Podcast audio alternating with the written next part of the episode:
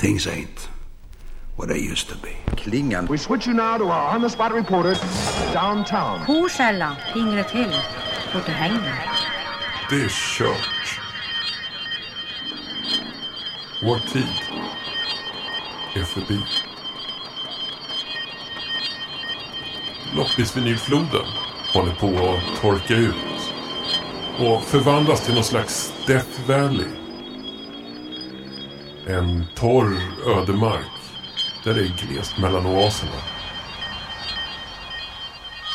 Och där de få skivorna som blivit kvar prissätts lika dyrt som den sista burken iskall Coca-Cola på ökenplaneten Arrakis. DJ.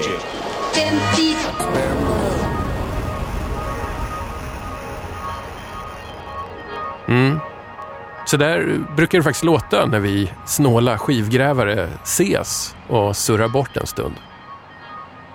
Men det här är fortfarande bara pessimism. Svartsyn.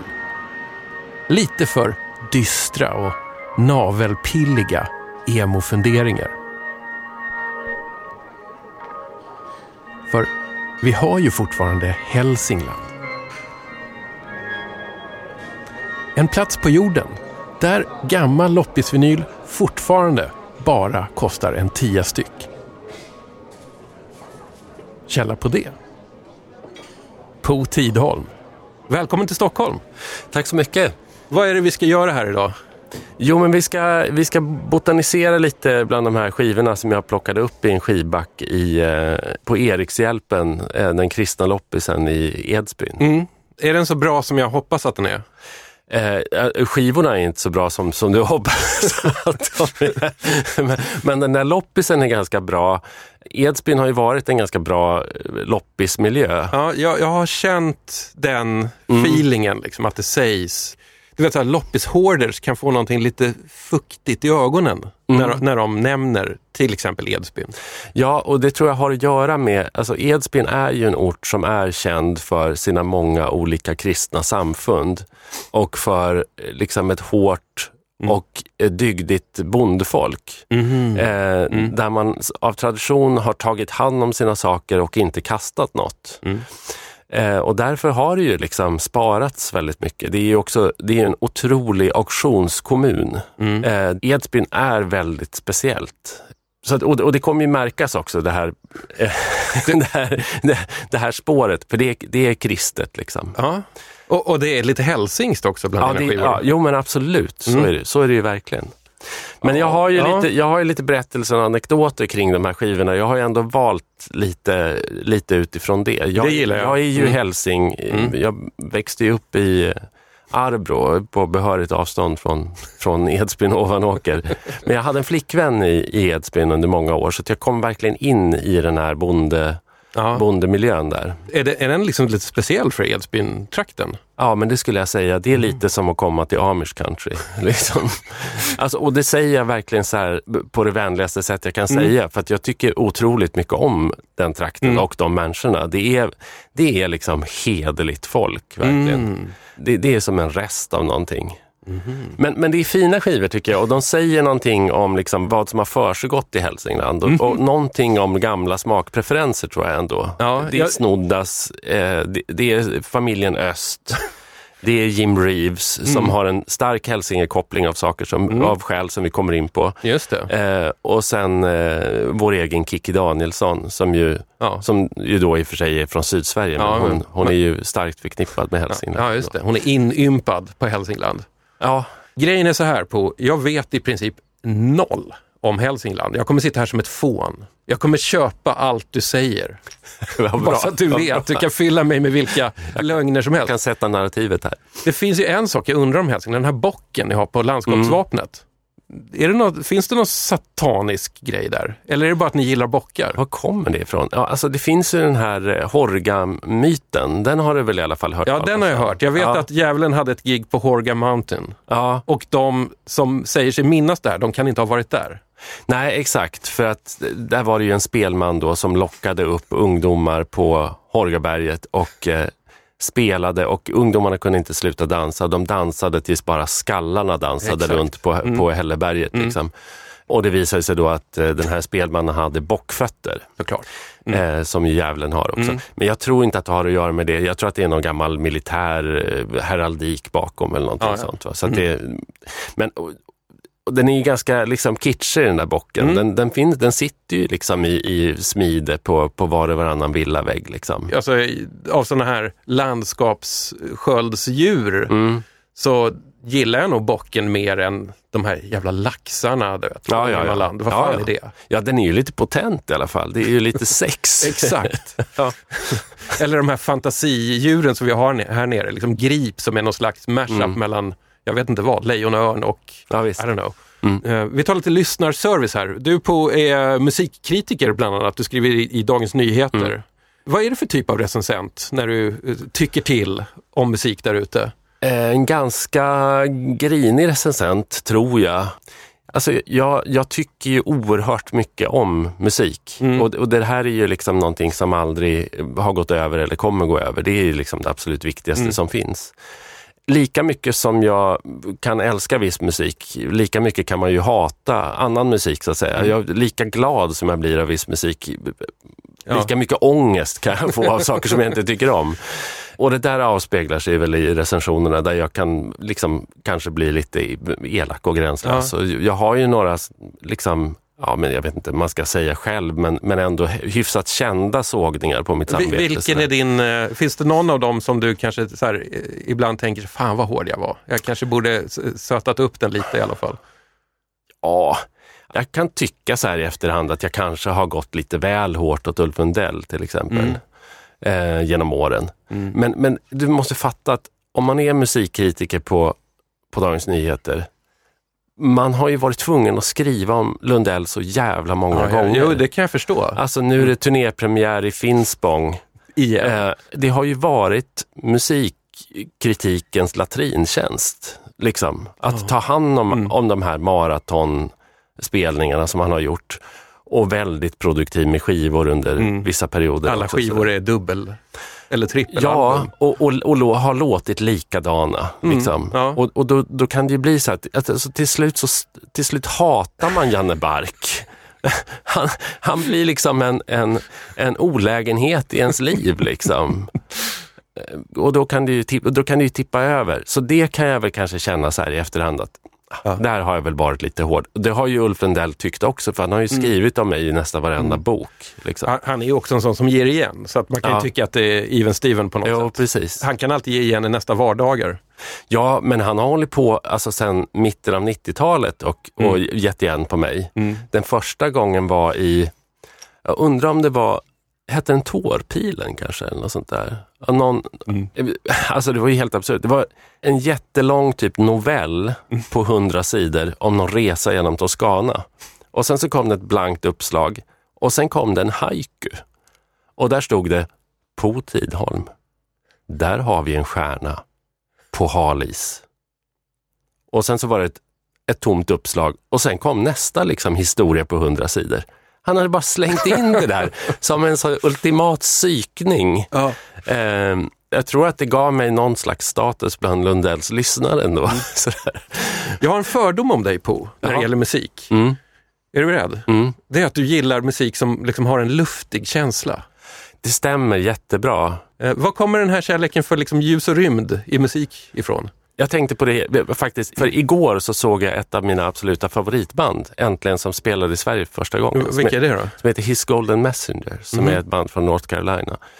Eh, de absolut främsta kvaliteterna i det bandet det är liksom tempo och luft. Mhm. Det är perfekta tempon i varje låt. Vad är perfekt tempo? Det är det där tempot där musiken börjar sväva på något sätt. Där, där, den, där den vilar på luft lite Mhm. grann. Men sen också att han, MC Taylor då, som, som är det där bandet, han har också en förmåga att skriva låtar som är väldigt luftigt liksom arrangerade med ganska Mm. lite sång. Mhm. Där det ryms ganska mycket luft och där det inte händer så mycket. Mm. När han inte sjunger och det är instrumentalparti så det, det behöver inte betyda att det är solon. Okej. Utan, utan Mm. där, liksom, det, det är bara så här kompet får jobba på något sätt. Det där har jag alltid tyckt om. Och en av de första låtarna som jag vad, vad hette den här? The Landscape It Changed? Eh, vad- vad- Den gamla Ja, Depeche-låten de från har en sån som heter Construct, så. Mm. Construction Time Again. Va? Mm. det tror jag var liksom, så det var en sån låt som jag blev besatt av Mm. som tolvåring. Det är jag, ingen låt som Depeche-fansen refererar till särskilt ofta. jag, jag tror att det är en Alan Wilder-komposition. Han var ju min favoritmedlem i Mm. Depeche. När han slutade så slutade jag också lyssna på det. Ja. Och vi har också nämnt då att du är ju uppvuxen i Hälsingland. Som är liksom, det, det här är ju Hälsinglands special på något Mm. sätt i DJ 50 spänn för första gången. Jag har aldrig grävt skivor där. Det kanske börjar bli dags, om jag inte blir avskräckt av din hög här. Ja, precis. Alltså, jag gjorde ju ett sinnessjukt bra skivinköp faktiskt för, vad kan det varit, sju, åtta år sedan. Då var jag just på en gårdsauktion i en by som heter Lindefallet. Som ligger i, liksom, en bit innanför E4 mellan Söderhamn och Hudiksvall. Och där ute i en laggård så såg det fyra skivbackar som jag ropade in för, jag tror det var två eller 300 kronor Det är ingenting. och som jag drog hem. Och inte jättebra skick. Det är inte mint condition. Det är inte som att det, det, är värda så här.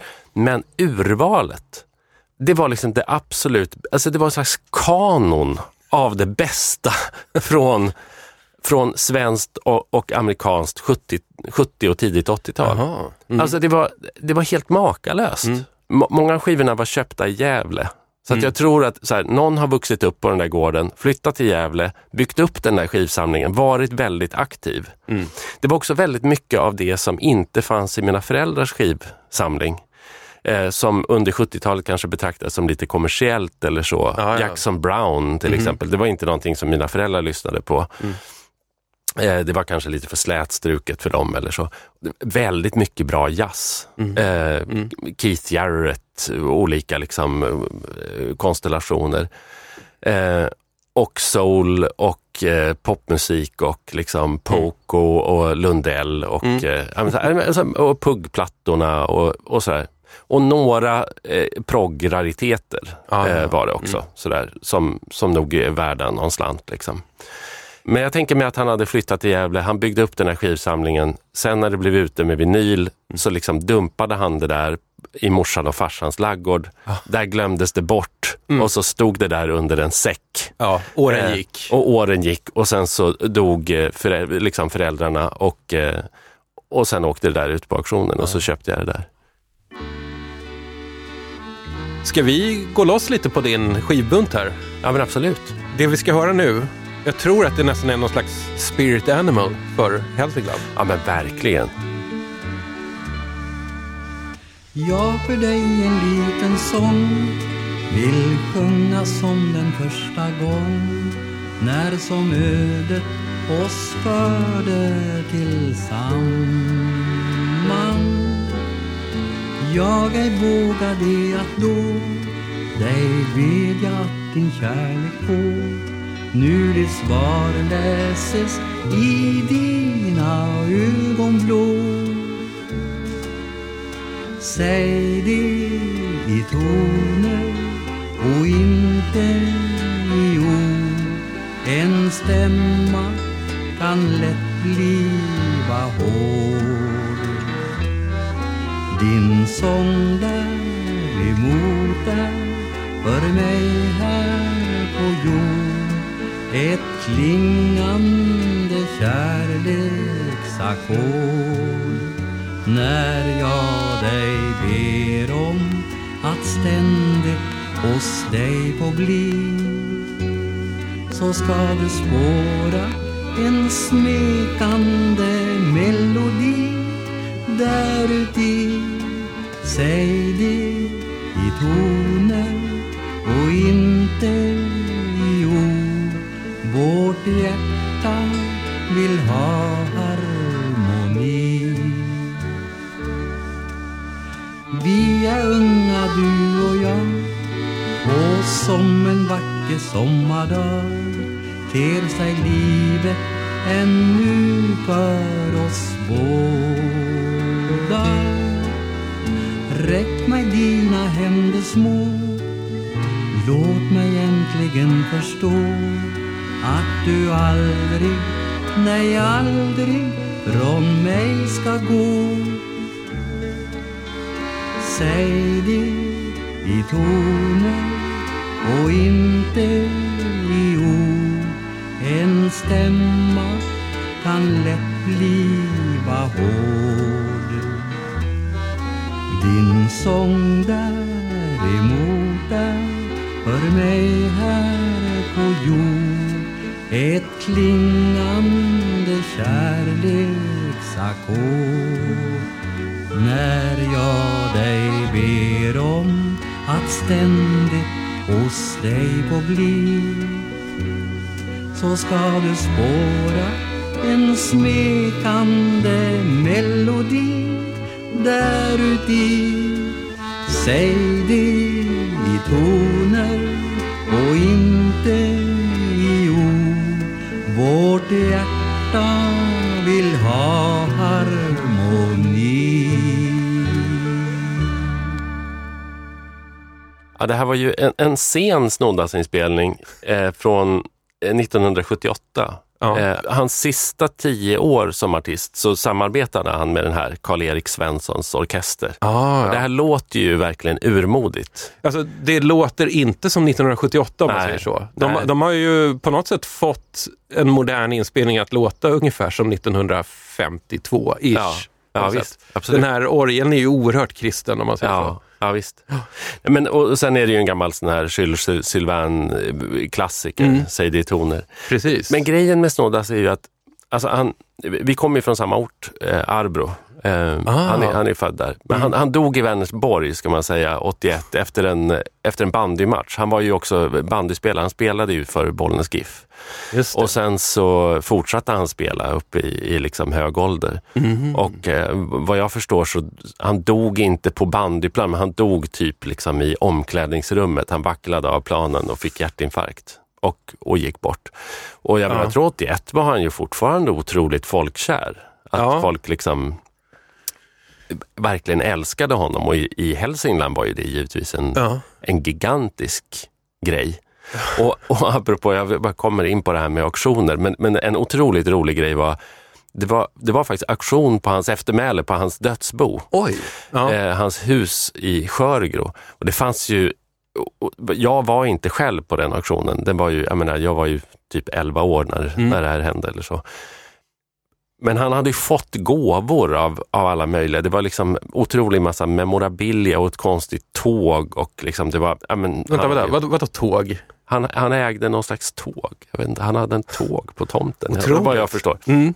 Men då var det två auktionsannonser den dagen i lokaltidningen Ljusnan. Ja. Det ena var då Snoddas-auktionen och det andra var någon helt oansenlig auktion, eh, liksom typ två mil därifrån. Mhm. Alla som läste det där tänkte så här, shit, Snoddas-auktionen, den skulle man gå på. Men det kommer bli så himla mycket folk så att vi går på den andra, eh, för dit kommer ingen. Vilket fick till konsekvensen att den andra helt oansenliga auktionen, dit kom det typ 2000 pers. Oj, oj, oj. Och på Snoddas-auktionen så kom det kanske 100 personer. Eh, det blev någon slags masspsykologi. Alla tänkte exakt likadant. Mm. Jag träffade Snoddas en gång. Min, min, eh, Du, vänta, du har träffat Snoddas? ja, ja, absolut. Det här är ju, det var ju Sveriges största Mm. stjärna. Alltså, det skulle vara roligt att höra faktiskt. Min, min pappa gjorde ganska mycket radiodokumentärer på 70-talet. Och han gjorde en radiodokumentär om Snoddas. Eh, Så han var hemma hos Snoddas och intervjuade Snoddas vid flera tillfällen. Det här måste ha varit slutet av 70-talet och då fick jag följa med. Eh, Så att jag satt bredvid liksom när och sen, jag menar, Snoddas kunde man ju se också liksom på torget i Bollnäs och sådär. Det var ju liksom inte, det var inte ovanligt att man såg Snoddas, hur, hur fantastisk och stor han än var. Liksom. Min pappa gjorde för övrigt sen också, han, han, min pappa var ju gammal proggmusiker, han spelade Ja. ju med International Harvest, Ja. Trädgårds och Stenar. Thomas Tidholm. Ja. Eh, Inte helt okänd liksom som poet heller. Nej, nej, det är han ju inte. Eh, Men han gjorde också en schlagerskiva där han sjöng just den här låten. Fast under namnet Bröderna Lönn. Hittar du den skivan Ja, ja. någonstans? N- Något sånt där random silence Ja, släpp. ja. Mm. Liksom. Den, den kanske är världens land på Discogs. Eh, Med, med tanke på kopplingen till de där proggbanden så kanske det finns en Verkligen. Japan-samlare. Som, Ja, ja. Nej, men alltså, det finns tillräckligt många samlare i Sverige för att driva upp priserna till sinnessjuka Ja. nivåer. För att de här- Allt som har proggkoppling i princip. Ja, hans äldsta skivor har ju varit, det har ju varit liksom, Mm. det var väl bland de första skivorna, svenska utgåvorna som liksom Ja, rakade iväg. Liksom. Men då i samband med det så träffade jag i alla fall Snoddas. Och som jag minns det så var han liksom en, ja, men väldigt snäll. Och jag minns också att min pappa var ganska frustrerad för han kom ingen vart. För Snoddas var liksom så himla, han var bara så vänlig men han hade liksom inte särskilt mycket att säga om någonting. Nej. Jag tycker att man hör lite det i musiken. Det är väldigt snällt, det är väldigt mjukt, Ja. det, är, det är ganska inställsamt på ett sätt. Men han Eh, sjunger ju fint. Ja, det är fint. Alltså det finns något som når fram till ändå. Det, det, det är någonting genuint. Man, alltså jag tycker när man hör det här så förstår man varför han slog så otroligt hårt liksom, i, i Sverige. Att han, han nådde fram till liksom, det svenska hjärtat på något sätt. Ja. Om man nu ska prata om någon slags snällhet och mjukhet i musik. Det här är ju precis lika mjukt och nerslipat och bara liksom mysigt som Yngve Stor, Hawaii-musikguden som var verksam samtidigt. Ja, ja, det låter ju också så här. Man tänker ju att det ska vara superexotiskt, men det låter väldigt mycket som en broderad bonad i ett pensionärshem. Verkligen. verkligen. Jag försökte tänka efter nu om- jag har hört någonting mer än flottar kärlek av Snoddas. Det kanske jag har, men jag kan inte minnas att jag har lyssnat på någon annan låt någonsin av Snoddas. Flottar kärlek, jag behöver inte ens nynna på den. Det, det är den här låten. Ja, det, hade vi, han hade Ja, precis. En slags tidig svensk I got hose in different area codes fast på ett snällt sätt Ja. Mm. i timmerflottarmiljö. Jag kan ha sett honom på Hylands hörna som faktiskt också var en sån här gammal rest av det gamla Sverige som in i 80-talet i alla fall Mm. kablades ut i svenska hem. Hade vi haft ett Letterman eller något sånt där, eller Dick Cavett show eller något sånt där, så hade ju Snoddas varit en sån här udda gäst som liksom hade kommit in som man hade drivit lite med på något sätt.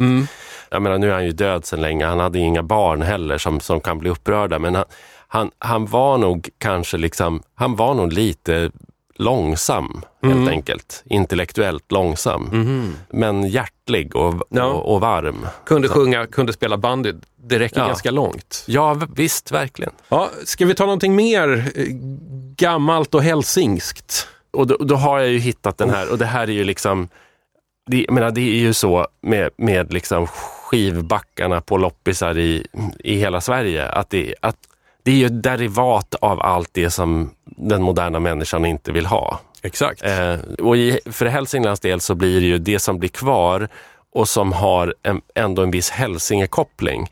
Det blir ju det kristna. Det som... Snoddas hittar man inte särskilt ofta skulle jag säga. Därför, det, därför att jag tror att när det liksom dyker upp en Snoddas skiva i en skivback på en loppis i Hälsingland så är det nog ändå någon som plockar åt sig den. Därför att det liksom ändå är så här, ja men det är ändå Snoddas. Den här tar jag med mig hem. Men man drar en gräns vid syskontrion Öst som är nästa skiva som vi ska lyssna på. Vid tolv års ålder en liten flicka med korg på armen krogen går. Från hemmet hemme man djärves skicka att köpa brännvin man väl förstår. I dryckeslaget där hemma sitter en rusig fader vid skövlad härd. Bland höga drivor och kölden bitter går lilla Anna av hungertörd hon blickar uppåt, ser stjärnor tindra. Hon viskar, där bor min moder Huld Från tronens glashav i ljusvågs skimmer. Hon går på gator av renat guld. Hon dog i drivan med Per i famnen. Novembernatt förlidet år. Nu ovan molnen på himlaranden. En himmelsk sällhet hon njuta får. Till mor min för mig så beder Anna Tag hem ditt barn, snälle käre Gud. Och isig blek sjunker hennes panna av vita änglar. Hon förs till Gud. Nu har hon kämpat och seger vunnit. Den bleka kinden ej tåras mer. Sin kära moder hon återfunnit. Där ingen skilsmässa mera är nu uret redan var midnattsslaget men ingen Anna med brännvin kom. Och snart insomnade dryckeslaget som djur de lågo där om varann. De somnade men de vakna åter då solen högt upp på fästet stod. Nu Annas fader sitt brott begråter. Det hjälper ej om han gråtit blod han skyndar ut för att söka Anna. Det var en kall dyster vinterdag. Helt plötsligt ses han förfärad stanna. Han blev som träffad utav ett slag. Ty ut i drivan han ser sin Anna. I trasig klänning med bara ben. Han tar sin hand upp på hennes panna. Den var förfrusen och hård som sten. Nu har jag mördat mitt barn, min maka Av mina vänner. Jag tar farväl Jag brännvin aldrig mer skall smaka. O Herre Gud fräls min arma själ. O Gud, hans blod röda synd förlåter. Nu är han frälst, men han skörda får. Allt vad han sådde, allt vad han gråter. Hans hjärta svider av djupa sår. Det här var ganska mörkt. Jag hade förväntat mig lite mer så knätofs tjo och tjim när jag såg omslaget här med syskontrion Öst, det vill säga Anna, Karl och Eddie Öst. Ja. Men, eh, Och här är vi ju i liksom det kristna eh, epicentret i, i, i Hälsingland. Ja. Anna Öst föddes och dog i Ovanåkers kommun. ja, Blev 101 år gammal. Wow. Mm. Föddes 1910, dog 2011. Det är, det är ju storslaget. precis. Och eh, ganska stor i sin egen rätt. Men sen födde hon ju också fram originaluppsättningen av Family Four. Vi snackar alltså Bernt Öst, Stig Öst, Siv Öst och Inger Öst. Ja. Och sen är hon också mamma till en Jonny Öst som kommer lite senare. Ja. Och om vi nu ska prata om östklanen, oundvikligt ämne om det handlar om 10 kronors vinyl från Sverige, så är ju då Anna, Karl och Eddie Öst, eh, som vi hör på den här skivan, de är då barn till Jon Erik Öst som var en stor spelman på sin tid. Mm. Eh, De hade ju så många barn och kusiner och kusinbarn och sånt där så att det, det vimlade ju av människor som var släkt med östklanen. Och det här liksom musik, det var knappast musikaliteten egentligen som gick i arv utan det var väl liksom det här att man ska hålla på med musik om man, om man tillhör den där östklanen. Så jag, jag gick i skolan också med en kille som tillhörde den där östklanen. Som, han spelade ju ett punkband. Liksom. så det fortsatte in i det också. Absolut, de, de, det, förgrenades, det förgrenades överallt.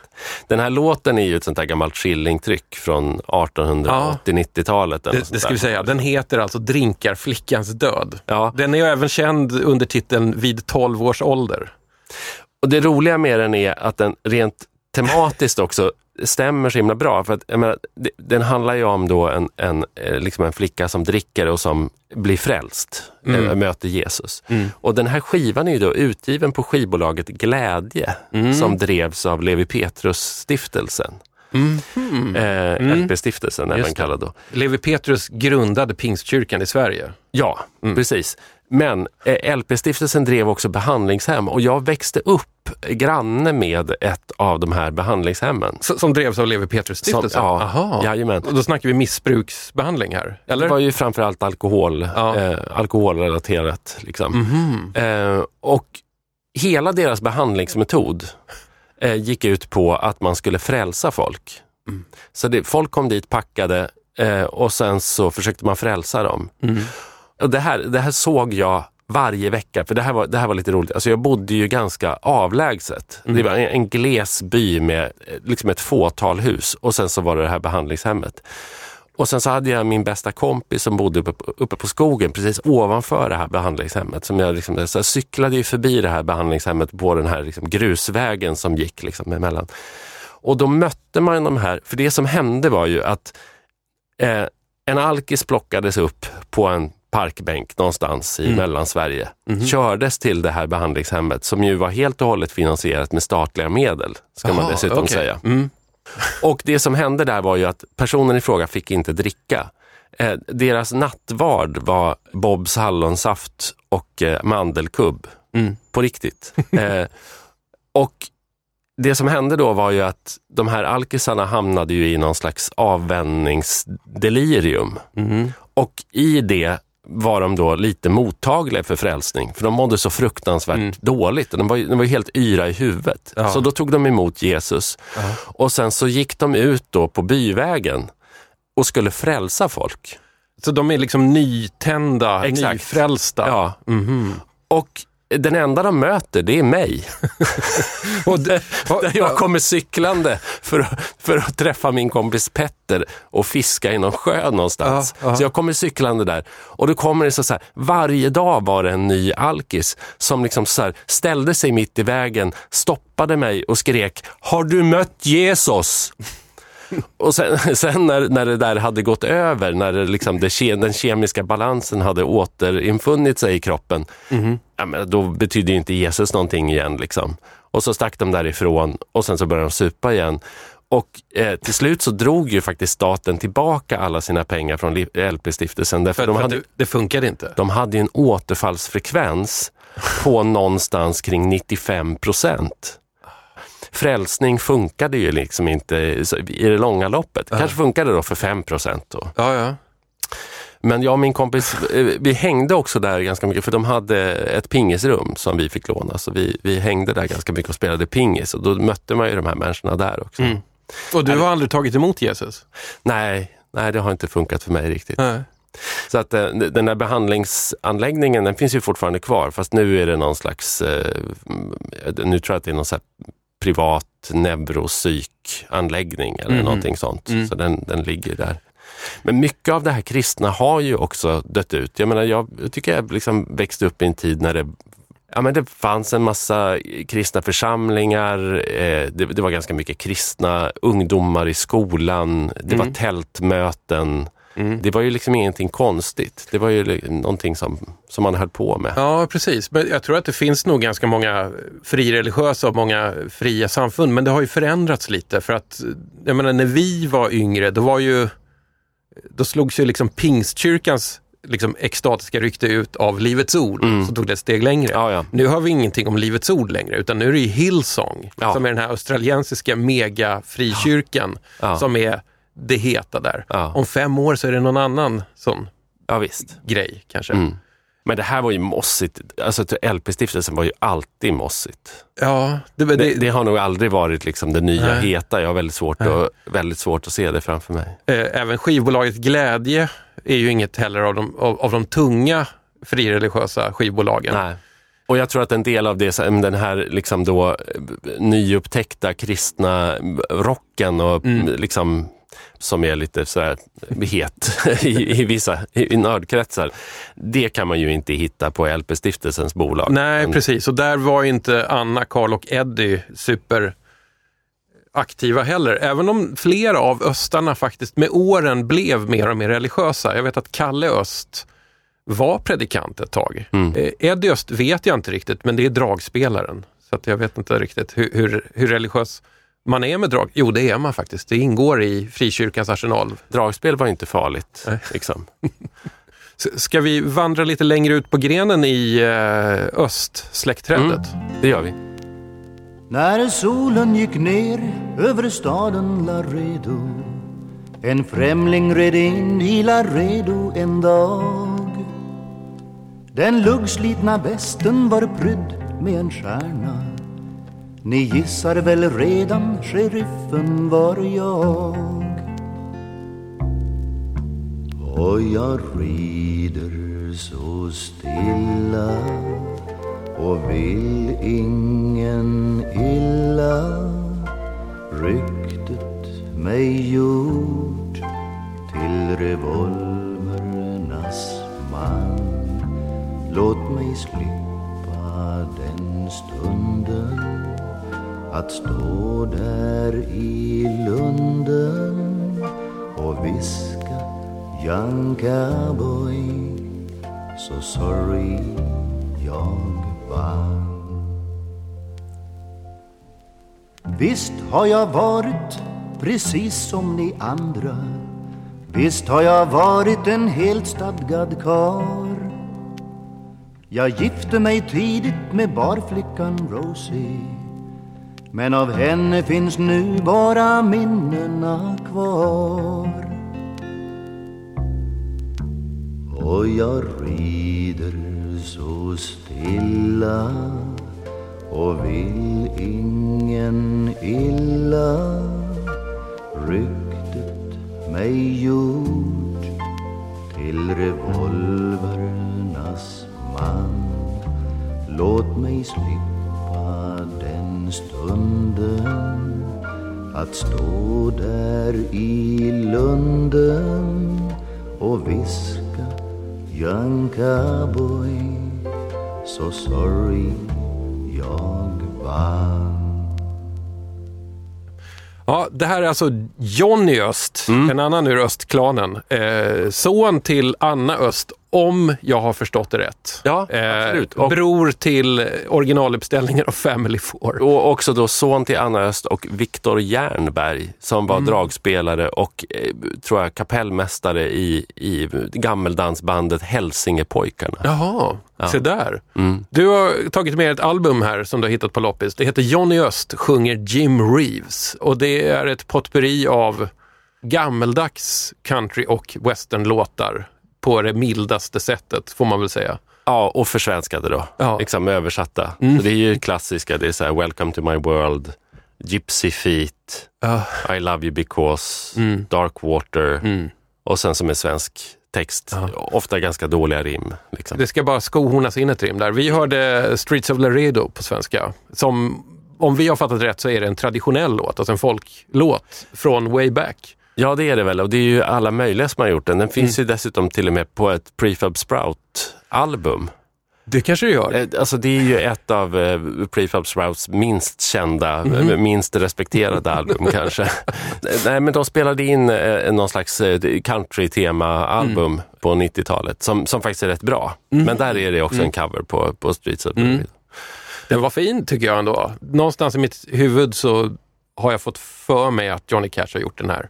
Kanske störst hit i modern, eller hyfsat modern tid, av en sån där Marty Robbins som är en, kanske inte så creddig countrysångare, Nej. men han hade en fin mustasch. Alltså det är ju svårt med, med country. Nu när vi spelar in det här så pågår ju den här festivalen Stockholm Americana. Just det. som jag var på igår och som jag ska tillbaka till idag. Och då är det ju för sig då americana, vad nu det är. Jag tänkte liksom. faktiskt nästan att jag skulle fråga hur du känner för A-ordet. Ja, alltså Vad jag, är americana? Det som jag har märkt, för det, nu, nu har det ju varit pandemi så nu, nu har inte den här festivalen varit på ett tag. Men redan 2019 så var det liksom flera stora amerikanska artister som ville distansera sig från begreppet. Att de liksom så här, Jason Isbell till exempel stod liksom och drev med det där från scenen. Att det liksom är så här, vad är ens det här? Liksom. Att det finns någonting förnedrande att som amerikansk artist komma till en stad i Norden och spela på en americana-festival där svenska män som gillar tåg och, och skäggvård har, har liksom satt på sig nätkepsar och Stetsonhattar. Eh, Och, det, och vet du vad, det är inte helt olikt hur man bokade mindre kända countryartister till High Chaparral på 70-talet. Exakt, exakt. Och jag har också varit på, jag har varit och sett eh, countryartister på Furuvik och sånt där. Och, jag menar, och det, det finns en tradition i den där genren där man betraktar en konsert, ett konserttillfälle som någon typ av maskerad. Det värsta jag har varit med om i den vägen var Alan Jackson eh, på en travbana utanför eh, Västerås. där det liksom var jag menar, hela familjer uppklädda som cowboys i läderrockar som kom och drog sina barn i, i gammaldags skrindor. Och liksom, Mm. Fullkomligt sanslöst och väldigt, väldigt distanslöst märkte Ja. jag också. Därför att jag skrev om den här konserten i DN och ganska kritiskt. Och det var Mm. ju så här, det pågick, bakom varje låt så fanns det liksom en tematisk video som handlade liksom om family values och eh, Mm. taking care of the old folks och, och liksom barn dance och pickups och guns och liksom Ja. så här. Och jag menar, det är klart att jag var tvungen att kommentera det för det var ju asbisarrt. Men jag Ja. blev ju, alltså jag tror ingen annan recension har renderat så många mordhot som den. Alltså Oj, det, det ringde ja. på riktigt folk hem. Och det var ju också därför att någon på ett countryforum la ut liksom en satellitbild över mitt hus och mitt privata mobiltelefonnummer. Så, så näthatet frodas även på countryforumet? Mest där skulle jag Shit. säga. Nej, men de blev fullkomligt rasande för Mm. det där var liksom deras genre. Jag hittade väl själv in i den via liksom allt countryn, så här, Uncle Tupelo och Mm. Ja. Wilco. Som kanske inte har så här. mycket tematiska videos som Family Values bakom sig på Nej, scen. nej, precis. Det var ju verkligen en, en reaktion på det. Och då hette ju den genren No Depression. eh, och sen så dök den här amerikana eh, liksom etiketten upp, Ja. tror jag, någon gång i slutet av 90-talet och sen så blev det någon slags samlingsnamn. Jag har mest tänkt ibland så här att är det ett sätt att försöka liksom gentrifiera countrymusik eller är det ett sätt kanske att försöka distansera sig väldigt mycket från de här familjerna som har klätt upp sig i cowboyutstyrsel och dyrkar family values på en travbana utanför Västerås? Jag tror det. Jag tror att det behövdes en annan, jag tror att det behövdes en annan rubrik. Men sen har ju det märkliga uppstått också att, att jag menar så här, de moderna retro country-artisterna som låter som gamla Buck Owens eller, eller Waylon Jennings eller någonting. De är ju nu i en alternativfåra fastän de låter som den gamla Ja, mainstream det. countryn. Medan den moderna mainstream countryn då har blivit någon slags eh, schlager. Liksom. Ja, visst. Men det här du- beskriver, eh, det du skrev om i den här recensionen, att man klär upp sig eh, Alltså vi älskar ju det här i Sverige. Alltså, Ja, det, ja. Det, alltså kärleken till det här otroligt stereotypt amerikanska, Ja. amerikana, Ja, eh, cowboyerierna. Vi får ju inte nog av det. Nej. Det var ju till och med eh, i amerikansk media som så valsade runt en historia om att det, det onda lilla landet Sverige dammsuger USA på våra liksom, eh, bilklenoder. Japp. Att, att det, det, var en sån, det var en sån stor export av gamla värdefulla amerikanska bilar från USA till Sverige att det började bli ett problem. Alltså det är ju precis, de känner, de känner så inför det på samma sätt som jag ibland surnar till när det faktiskt är, eller var, en ryss på skivbörsen som fiskar upp liksom en svensk prog- proggklassiker och går till kassan för att köpa den. Ja. Då, då vill jag bara säga stopp och belägg. Den det där exporterar vi inte. Exakt, exakt. Ja. Nej, men så det är en knepig, Mm. det är en knepig genre att förhålla sig till. Och inte minst därför att, jag, menar, jag vet inte, jag, jag kände igår när jag liksom var på den där festivalen och lyssnade, så här, jag tycker ju väldigt mycket om mycket av musiken. Mm. Men jag tycker verkligen att subkulturen står i vägen. Jag har ju extremt svårt för alla typer av subkulturer egentligen. Jag tycker någonstans så, jag vill att musik ska få vara musik. Ja, liksom. just det. Men ingen annan tycker så.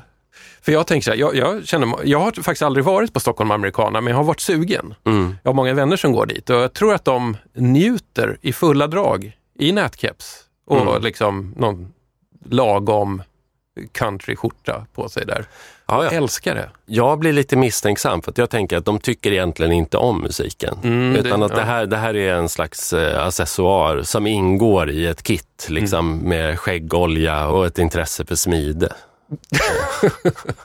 det som är intressant med... eh, med alltså, Just det, vi ju tänk- prata om Johnny Öst. Ja, men jag tycker Ja. också att, att, att den här skivan är då från 1976. Mm. Eh, jag menar, då, då var ju jag knappt, eller jag menar, jag var fem år gammal 1976. Jag har ingen som helst relation till det här. Mm. Men på 80-talet och just i Hälsingland så uppstod ju liksom nästa våg, eller man ska säga nästa scen som ju ver- verkligen är förknippad med Hälsingland. Då bildades ju bandet eh, Dead Scouts till exempel, som ju spelade, som ju blandade då country och punk. Är det liksom så här d- Trast, eh, Perssons Pack, Det var, det, vi, Embryot vi, här, vi hade ju flera band. Vi hade, vi hade ju Trassel Lindéns kvintett som var liksom Mm. någon slags väldigt så här, lantlig punk eh, liksom outfit. Och sen så hade vi här eh, Dead Scouts, eh, vad, vad hette det? Blodig jord eller Död jord. Jag kommer inte ihåg vad deras album hette nu. Men Per Persson var ju med i det, Mm. i det bandet. Mhm. Och ur den här scenen så växte ju sen då fram Trast och Superstararna och Mm. Perssons Pack som, ju, som ju var liksom verkligen så här Hälsinglands gåva till musiken. Sent 80-tal, tidigt 90-tal verkligen. Och som ju slog an ute i landet på ungefär samma sätt som jag tänker mig att Snoddas och Johnny Öst gjorde. Med någon slags lite så jordnära ganska amerikanskt men ändå med en omisskännlig, för mig i alla fall, omisskännlig Hälsingeprägel. Eh, Ja. med, med texter på svenska och eh, liksom eh, Ja men eh, med, med, teman där det, det var liksom ungkarlar, övergivenhet, eh, superier Ja, ja. klassiska countryteman Verkligen. egentligen. Hela den vägen var ju jag med om. Eh, det var ju en väldigt kul period. Det var ju, det var ju roligt sen och liksom, när man flyttade till Stockholm. Det, fanns till och med en Norrlandsklubb på en lokal på Norrlandsgatan där den där banden sen spelade i Stockholm och sådär. Ja. Varför uppstod det här i Hälsingland av alla ställen? Ja, men där tror jag att planeterna stod rätt på något sätt. Att det, att det fanns ett arv att bygga på. Det fanns det här liksom Johnny Öst eh, och hela östklanen och folkmusiken, countryn, de amerikanska influenserna, punken och sen när man slår ihop alla de här sakerna så Ja, då kan man få det. det. Ja, Kritisk massa. ja. Är inte Hälsingland lite amerikaniserat? Jag tycker nog att det finns andra landskap som är ännu mer, jag, jag tänker att Värmland är, Ja, är liksom nästan mer, eh, mera amerikaniserat. Hälsingland är, eh, skulle jag säga, eh, ett landskap som faktiskt har vårdat sin egen särart. Mm. Eh, också därför att vi har ju misslyckats till exempel turistiskt i förhållande till Dalarna. Menar, Ja, ja, ja. alla- Men alla- ing- vem, vem kan tävla med Dalarna och Gotland? Nej, det är ingen som kan tävla med det. Men grejen är att så här, vi har ju allt som Dalarna har, fast, fast mycket finare och mycket bättre. Vi har liksom, vi- har kust och vi har liksom älvdalar och vi har bondelandskap och vi har berg och vi har, vi har allt det som Dalarna har och mer. Och vi har ännu större, vackrare gårdar än Dalarna. Och vi har en mi- minst lika bra folkmusiktradition. Men på något sätt så har ändå Dalarna då liksom fått bli Sveriges vagga och liksom Ja, sinnebilden för det svenska.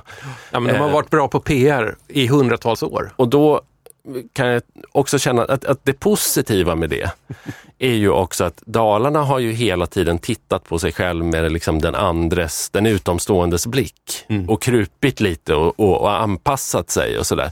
Det har vi liksom inte gjort i Hälsingland utan Hälsingland har eh, en ganska så här mm, autentisk och genuin och lite omedveten folkkultur i det avseendet. Du, alltså, som countrylyssnare, hur mycket country var det här egentligen Johnny Öst sjunger Jim Reeves?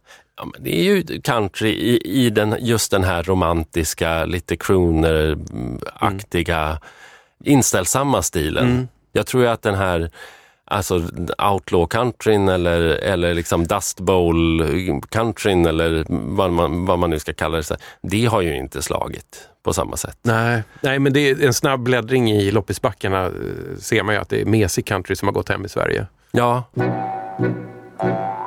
Du, Po, nu när vi ändå är inne på Johnny Öst och du råkar sitta här i landets mest nischade, inrökta, navelpillande, eh, kultmannamässiga skivgrävarpodd. Har du hört Johnny Östs Dömd någon gång? nej. Då ska jag spela den för dig för att man kan inte prata om Johnny Öst utan att eh, nämna den här totala märkligheten. Okej, håll i dig. Dömd att bli tystnad som får. Oh, om jag blott vore två. Jorden är öde och kall. Men Människan har själv gjort sitt val.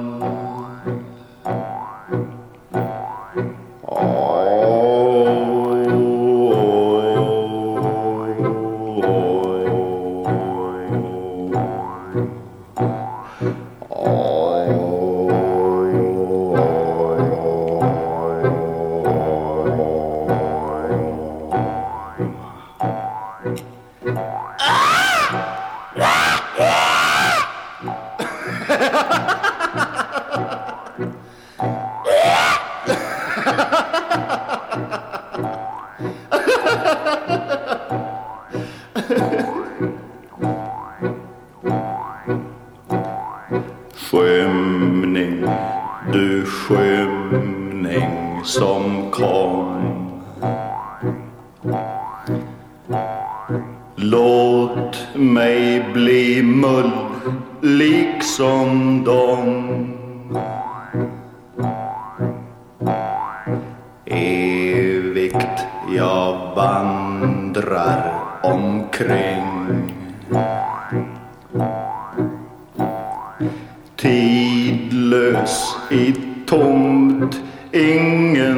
ingenting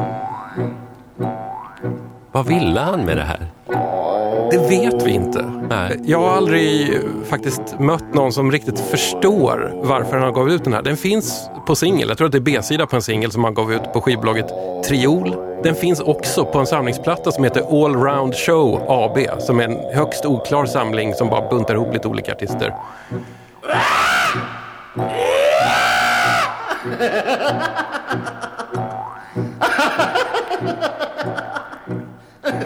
Jag jagar ju den här skivan, hoppas på att jag en vacker dag ska hitta den, men den, eh, den dyker aldrig upp. Jag har inte ens hittat den här samlingsplattan. Men det här, det här är ju en låt som cirkulerar i diverse skivgrävarkretsar bara för att den är så, den är så off. Allt annat Johnny Öst gör är ju ganska snällt mot öronen. Mm, verkligen. Det här är ju, no, det här är ju vansinne. Vad är det på A-sidan? Den heter något sånt Gottfrid Olssons Per eller någonting. Okej. Det är lite, den, den har jag faktiskt aldrig hört nu. Jag kan, jag kan steppa upp mitt bläddrande i singelbackarna för att jag brukar ofta hoppa över dem. Ja. Eh, Nej, har- men jag hittar, du den här, tålamod. hittar du den här så har du ju liksom svart bälte i 10 kronors vinyl. Ja. Men den är härlig. Den är också, alltså jag gillar ju också den för att den är så, den låter galen på riktigt. Mm.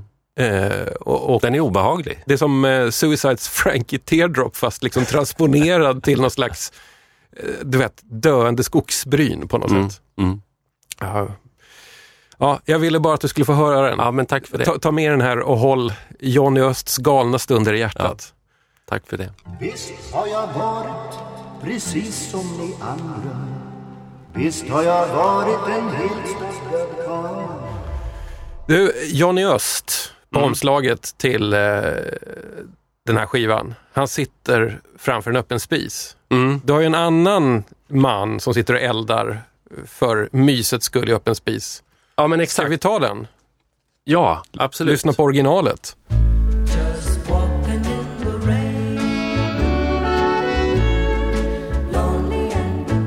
Just walking in the rain.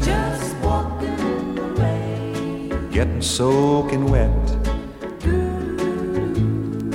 Torturing my heart. By trying to forget. Just walking in the rain. So alone and blue. All because my heart still remembers you.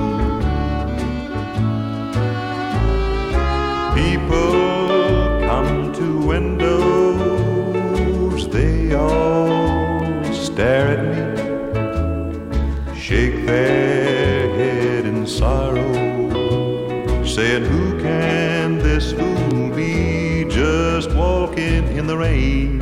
Walking. Thinking how we met, Walking. knowing things have changed. Somehow I can't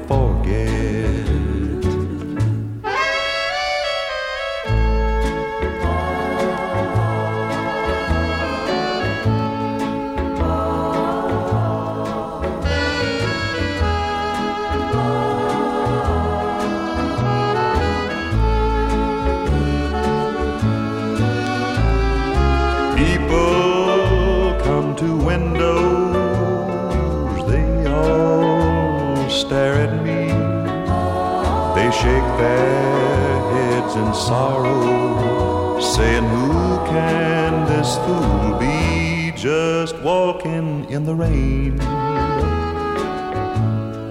Thinking how we met, knowing things have changed. Somehow I can't forget.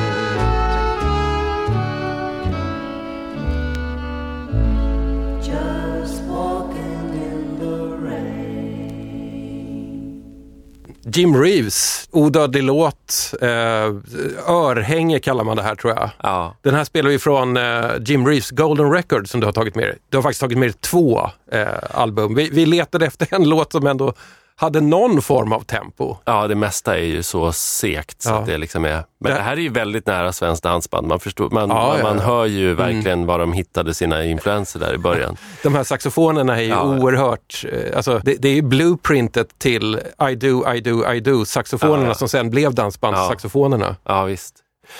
Och Jim Reeves är väl otroligt vanlig i reabackarna, eller liksom i 10 kronorsbackarna. Är det så i Hälsingland också? I Hälsingland är det ju det är patetiskt. I Alltså, varje back? Ja, ja. Alltså det är så mycket Jim Reeves. Ah, så att det liksom ja. är, och det, menar, det där är ju alltid svårt att veta. Då, så här, är det, så här, att, att det är så mycket där. Är det för att folk har haft väldigt mycket Jim Reeves-skivor Mm. eller är det för att ingen jävel vill ha dem och de, det blir det där derivatet? Ja, liksom, av, s- av, sedimenten. Ja, eh, det, är ju, det är ju svårt att veta, men det finns ju en, en märklig Hälsingekoppling här och det är ju att det är faktiskt då i skogen bortom Edsbyn, man, man liksom så här, å- om man åker riksväg 50, passerar Edsbyn och åker mot Dalagränsen, så kommer man till en liten eh, ort som heter Voxna. Okej. Och där ligger det världens enda Jim Reeves museum. Nu, ja, Ja. må- många följdfrågor här. Varför ett Jim Reeves museum i Hälsingland? Ja, Det är väl den stora nej, det, är frågan. ingen som, det är ingen som kan förklara det. Har du varit där? Nej, jag har inte det. Det är en skylt som jag har åkt förbi väldigt många gånger. Ja, men Jag- du måste ju nästan. Ja, ja nu, eh, särskilt efter det här. Så Ja. måste jag, ju- jag, jag har ju kollat på bilder vad de har. De har ju till exempel Jim Reeves bowlingskor. Jag gillar sådana här små entusiastdrivna museum. Jag har ju till exempel varit i, på ett sånt i Hälsingland, Sveriges fiskargubbemuseum, som ligger Ja, i ja. Lycka Ja, utanför Söderhamn. Jag vet, det är en kompis till mig som driver det där. Ja. Eh, Underbart, man går in i hans garage Ja. och det finns hur många fiskargubbetavlor i otroligt många varianter. Ja. ja, men det är fint. Och det är Ja. också en skylt som jag åkt förbi väldigt många gånger. Men någonstans, eh, om man åker norrut och passerar Ljusdal och Mm. är på väg liksom mot eh, Härjedalen så, så finns det ett tantmuseum. Jag har inte Ja. Mm. heller förstått vad det är för någonting riktigt. Men det är också en sån där skylt vid vägen som, jag, som jag har passerat väldigt många gånger, precis som det här Jim Reeves-museet. Men det här eh, museet, då, Jim Reeves-museet, det drivs ju då av, eh, jag tror att han är rörmokare egentligen. Eh, och han har byggt det här hemma på gården och han har då samlat liksom, Jim Reeves memorabilia och eh, jag tror att det är lite scenkostymer, någon guldskiva. Jag kan tänka mig, med tanke på hur stor Jim Reeves var på sin tid och hur bortglömd han snabbt blev, ja, just det. så kan man ju också tänka sig att det var ganska billigt att köpa på sig. Eh, Jim Reeves bowlingskor på Ebay var säkert inte liksom en jätteinvestering på 90-talet. Jag läste att de har också en halvt urdrucken flaska hostmedicin och receptet. Ja. Alltså Jim Reeves gamla hostmedicin. Det, Han visste inte vad han hette av glädje den dagen han hittade det det där. ju fantastiskt. Det är liksom troféernas trofé på något sätt. Alltså, passar Jim Reeves in i Hälsingland på något sätt? Ja, men det skulle jag nog säga ändå. Jag tycker att det är Mm. en snygg båge här också från liksom Snoddas och, och Mm. Östarna och Johnny Öst som sjunger Jim Reeves och sen så Jim Reeves och Jim, det finns det här Jim Reeves-museet. Mm. Och någonstans så eh, lirar det här tror jag också, kanske lite grann med Mm. landskapet. Det, det är något lite folkligt över det liksom ändå. Ja, eh, jag får ju känslan av att folk här i Sverige, säkert i många delar av världen, men i Sverige älskade man Jim Reeves-låtarna både i original och översatte till svenska. Då var det nästan alltid insjungna av Gunnar Wiklund. Mm. Totalt bortglömd idag, ungefär som Jim Reeves. Ja. Samma typ av artist, det är någonting, någonting ganska snällt, lite artigt. Men idag så är den här musiken närmast apart i hur vänlig den är. Ja. Ja, nej, den har ju ingen som helst energi. Det är någonting helt annat. Man, man skulle säkert också kunna dra liksom ganska stora växlar på den tidens könsroller. Om man tänker Mm. på liksom han kallades ju också för Gentleman Jim, Ja. tydligen. Mm. Hans image var ju att han var liksom en helylle, en, en vänlig man. Ja, Liksom. det är in-law country. Eller hur? Ja, Det är ju en jättebra Ja, genre. ja. Jag har hört ett helt poddavsnitt av podden Beyond Yacht Rock av människorna som uppfann begreppet yacht rock. Ja. I den här podden så hade de ganska länge så hittade de på liksom nya gamla genrer. Och en av de som de lanserade var då in-law country. Ja, som ja. var så, eh, country som, inte, som är motsatsen till outlaw, någonting du Mm. kan spela för din svärmor. Ja. Och hon kommer älska det för att det är så mysigt. Sant. Apropå Sant. könsroller nu. Men det säger väl också någonting om, om hur människor använder musik. Jag menar, Mm. bredvid de här Jim Reeves-skivorna så står ju allt det här, Herb Alpert till Mm. exempel, som, som jag ändå liksom jag menar, det är ju nästan som ett amerikanskt meme, liksom, Mm. att man hade äldre släktingar som lyssnade på Herb Alpert. Och någonstans så har jag på något sätt inbillat mig att, att svenskar inte gjorde det. Att det där, men, Det finns. Det men, finns. men, ja. eh, men att döma av de här skivbackarna så har det ändå liksom funnits, det har ändå sålts ganska stora upplagor av den här underhållningsmusiken. Precis. Det, skivfacket hette ju underhållning i gamla skivbutiker Ja. faktiskt. Mm. Det är inte så att jag går och köper Jim Reeves-plattor hela tiden, men då och då tar jag en sån här för att jag känner att ibland när man har varit produktiv och tvingats in i stressen, då tycker jag att det här funkar mycket bättre som chill out-musik än random så här hotell lounge-musik. Mm. Det här är ju ännu mer som att ta något lugnande. Men vad är det för stämning man hamnar i då? det liksom... Det värsta är att jag tror att förlängningen på det här är att man också då börjar så här se framför sig hur det kunde se ut när man la på en sån här skiva back in the days. Mm. Så att man till slut vill ha en broderad bonad och man vill ha ett par så här tidigt 60-tals mässiga tofflor, Mm. virkad slips. Att man till slut börjar liksom köpa in sig i den imagen. Och då är vi farligt nära det här som du beskrev nyligen med att vara på americana eller travbane-country-festivaler. Absolut.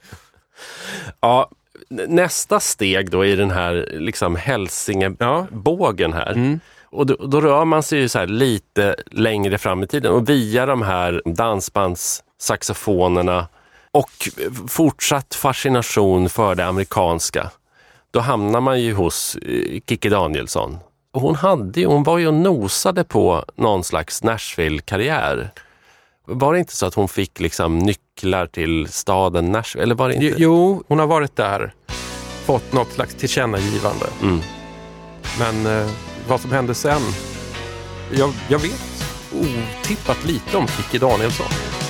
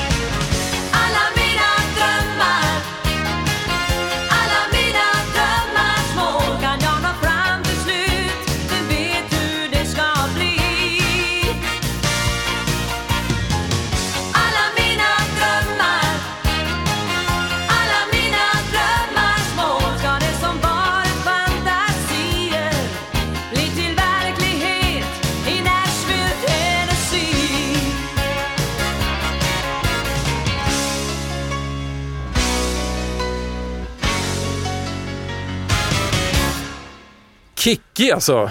Ja, Ja. det går inte att komma runt. Mm. Om man, eh, framförallt går det inte att komma runt om man, är, om man liksom bläddrar i skidbackarna på Nej. en loppis i Hälsingland. Så då, då finns det ju Är det Kikki. mycket Kikki där? Ja, det tycker jag verkligen att det är. Hon är ju inte hälsing. Nej, men Hon är, hon är ju från det här liksom barrskogsbältet längst norr i Skåne om jag fattar Ja. rätt. Osby tror jag. Ja, men hon har ju ändå bott i Hälsingland liksom, Mm. i hela sitt vuxna eh, liv. Och ni mottog henne med öppna armar. Ja, hon, jag vet inte, men frågan är om hon trivdes så himla bra. Hon bodde ju i eh, en ort inte så långt ifrån där jag växte upp. Hon bodde i Vallsta och jag växte upp i Arbro. Och, eh, hon åkte ju och handlade på ICA i, i Arbro, men liksom tänkte då att hon inte skulle bli sedd om hon hade jättestora solglasögon på sig. men hon var ju absolut lätt den mest kända personen i, på, på bygden. Liksom. Vi spelade alltså ett spår från Papaya Coconut LPn Mm. som är lite så här slager Kikki kan vi väl säga. Men vi tog ett lite ändå på något sätt countrydoftande spår som heter Nashville, Tennessee. Ja, och då var det ju så här att jag tror att något år innan så gjorde hon ju en skiva i Nashville med amerikanska, med amerikanska musiker. Det ska man ju göra som någon slags svensk country-ish artist. Och den hette då Midnight Sunshine, kom 84. Och då hade hon väl någon slags modest, i alla fall med svenska mått mätt, framgång i USA. Och fick göra då eh, Kikki Danielsson i Nashville, någon slags tv-special. Och då tror jag att Lasse Holm skrev den här låten för att sälja in det. Den sändes också på svensk tv. Den där. Jag har sett något klipp från den där och det som är ändå tydligt, alltså hon har ju ett jävla tryck i rösten. Verkligen. Det måste man verkligen, och, eh, Bra frasering, eh, liksom en smal tunn röststråle som liksom kommer ut, Ja. kommer ut bra. Precis, Hon- den, hon- den kan gå igenom flera centimeter pansarplåt. Ja, ja men verkligen. Det, det, det tycker jag är slående. Och det, det är verkligen ingen bra låt på, nå- på något sätt. Och det här är ett ganska hemskt album, Papaya Coconut. Det är ju en Lasse Holm-produktion rakt igenom tror jag. Absolut. Och eh, det de sålde in, det var ju den här låten. Eh, det var ju en Lasse Holm, Ingela Pling Forsman Melodifestivallåt där, Papaya Coconut.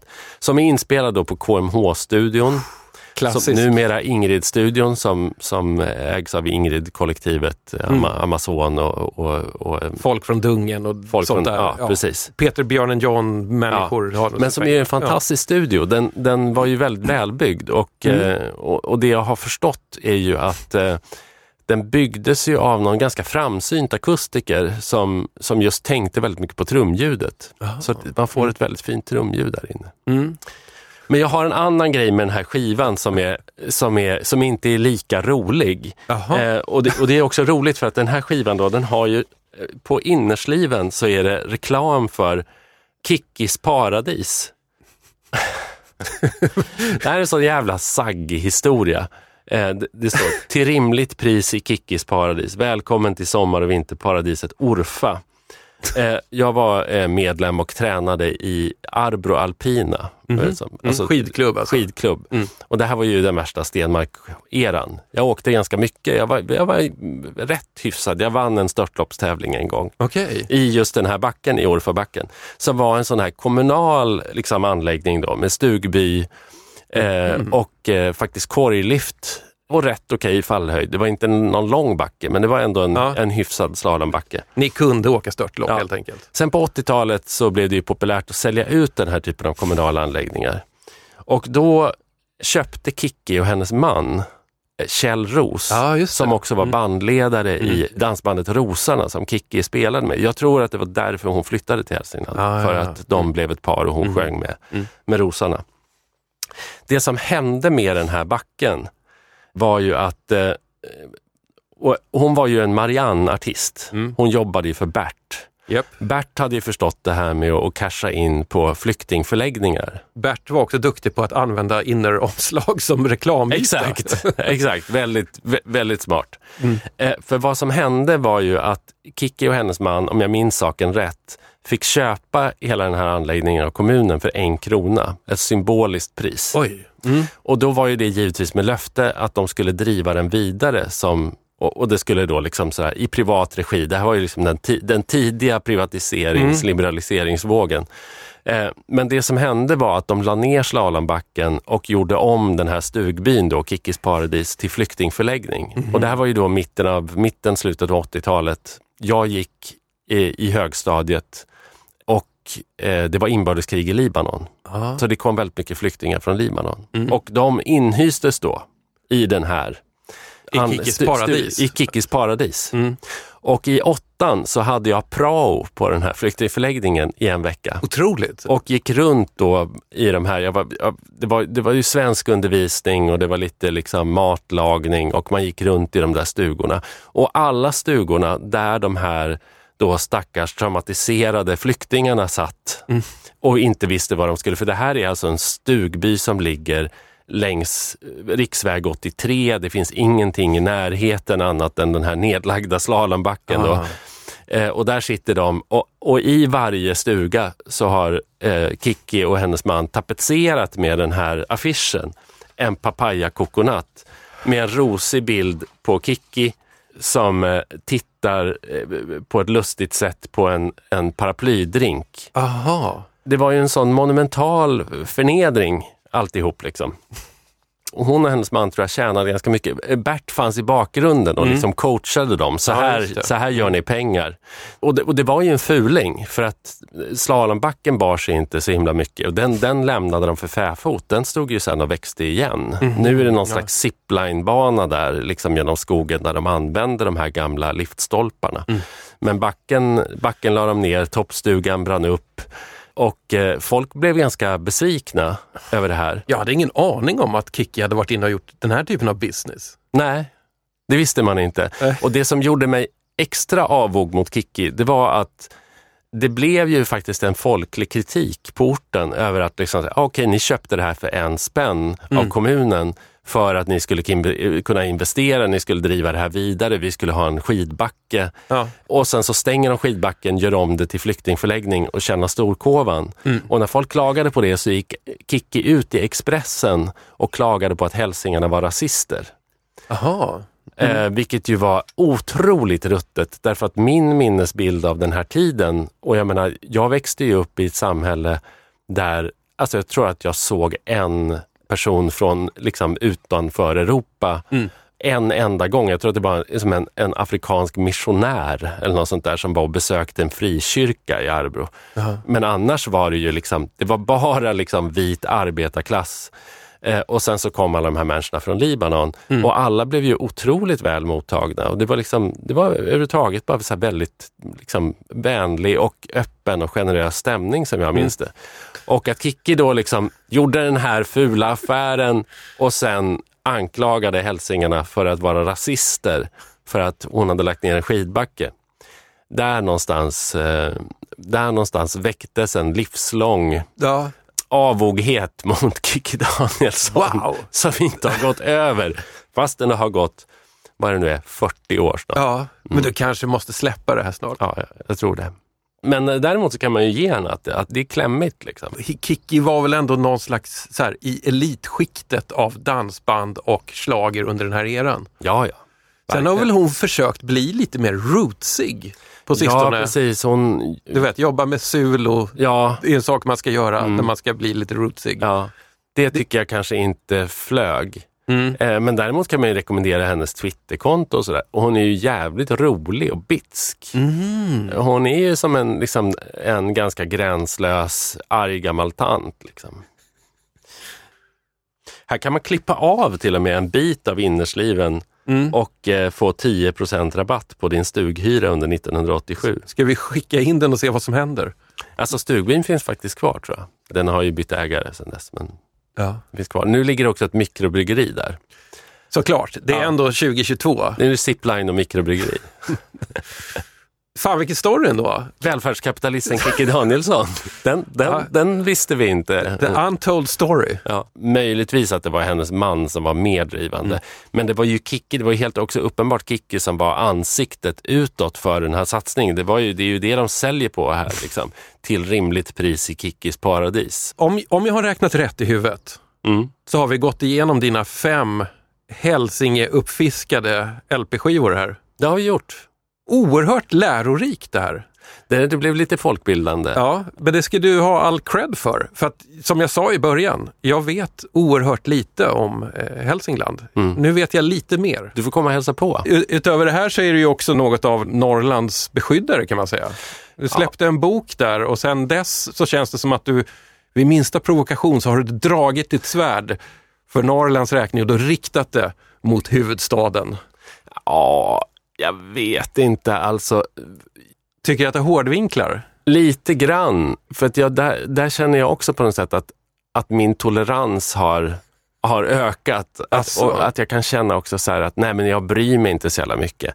Däremot så är ju den här boken som jag gjorde, som den kom 2012, hette Norrland. Det var ju en, en samling artiklar, essäer, kröniker, grejer som jag hade skrivit liksom från ja, 96 och framåt eller någonting sånt. Så gav jag ut den där och sen så blev jag ju, som du sa, så blev jag ju liksom någon slags Norrlands beskyddare. Ganska dålig representant för Norrland egentligen på, på, på rätt många sätt. Jag är ju en ganska utpräglad, ja, men även om jag bor i Hälsingland, så är jag en hyfsat urban medelklasskille. med Liksom, och, och inte ens särskilt starka rötter till Norrland eller så heller. Men Nej, sen, men du var beredd att ta fighten. Det tror jag betyder mycket. Ja, precis. Och det har ju varit uppskattat. Liksom. Sen åren, åren mellan 2012 och pandemin Ja. så hamnade jag ju i, i någon slags föreläsarvärld Aha. som jag absolut inte hade valt. Men det började med att jag, jag gav ut den här boken på ett, ett eh, förlag som heter Teg Publishing, som också är ett skivbolag Precis. som drivs av Jonas och Anders Teglund. Och de har ju liksom rötterna i musikvärlden. Så att när de frågade så här, vill du ut och, åka ut och prata lite? Då kom det helt plötsligt då ett Excel-ark liksom, med en turnéplan med typ så här 60 stopp.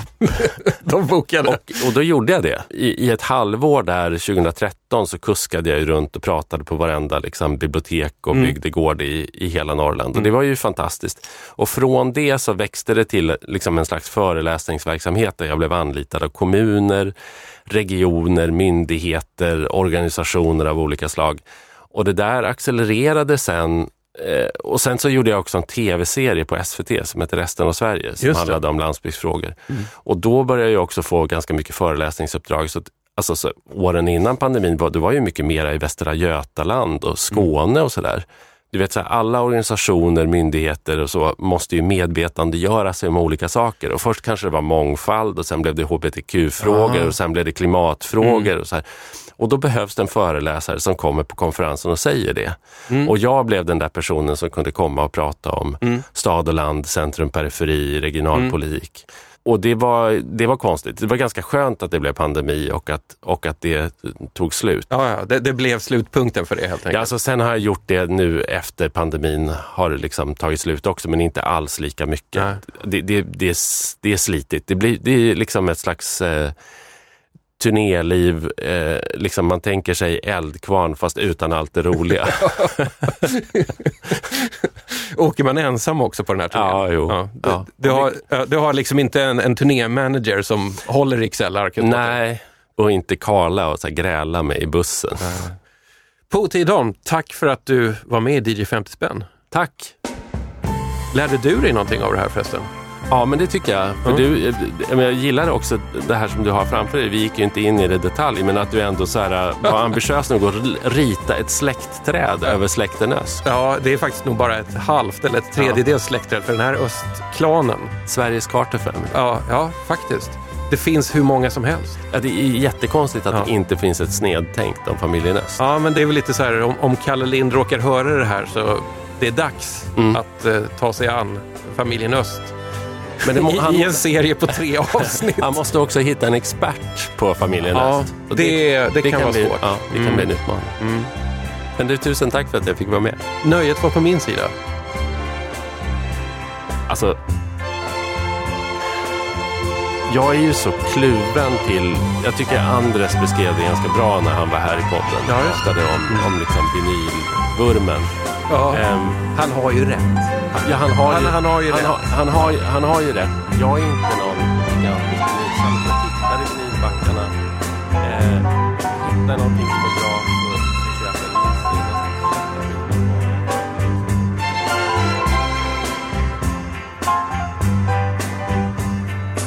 Du har alltså lyssnat på DJ 50 spänn, en helt sinnessjukt independent musikpodd som görs i samarbete med produktionsbolaget Rundfunk Media i Stockholm. Jag heter Tommy Jönsson och ja, vi hörs snart igen. Vila ut med händerna på knäna. Koncentrera. Genom lugn och medveten andning skapar jag fysisk och psykisk balans. oh.